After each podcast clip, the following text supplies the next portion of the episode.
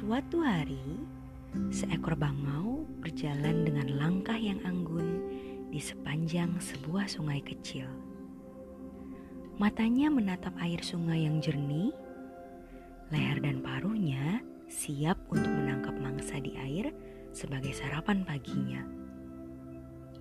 Saat itu, sungai dipenuhi dengan ikan-ikan yang berenang, tetapi sang bangau merasa sedikit angkuh di pagi hari itu.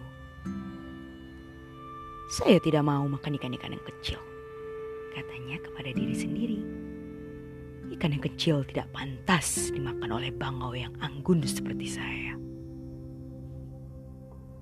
Sekarang, seekor ikan yang sedikit lebih besar lewat di dekatnya. Tidak, kata sang bangau. Saya tidak akan merepotkan diri saya untuk membuka paruh dan memakan ikan sebesar itu. Hm. Saat matahari mulai meninggi, ikan-ikan yang berada pada air yang dangkal akhirnya berenang pindah ke tengah sungai yang lebih dalam dan dingin. Sang bangau yang tidak melihat ikan lagi terpaksa harus puas dengan memakan siput kecil di pinggiran sungai.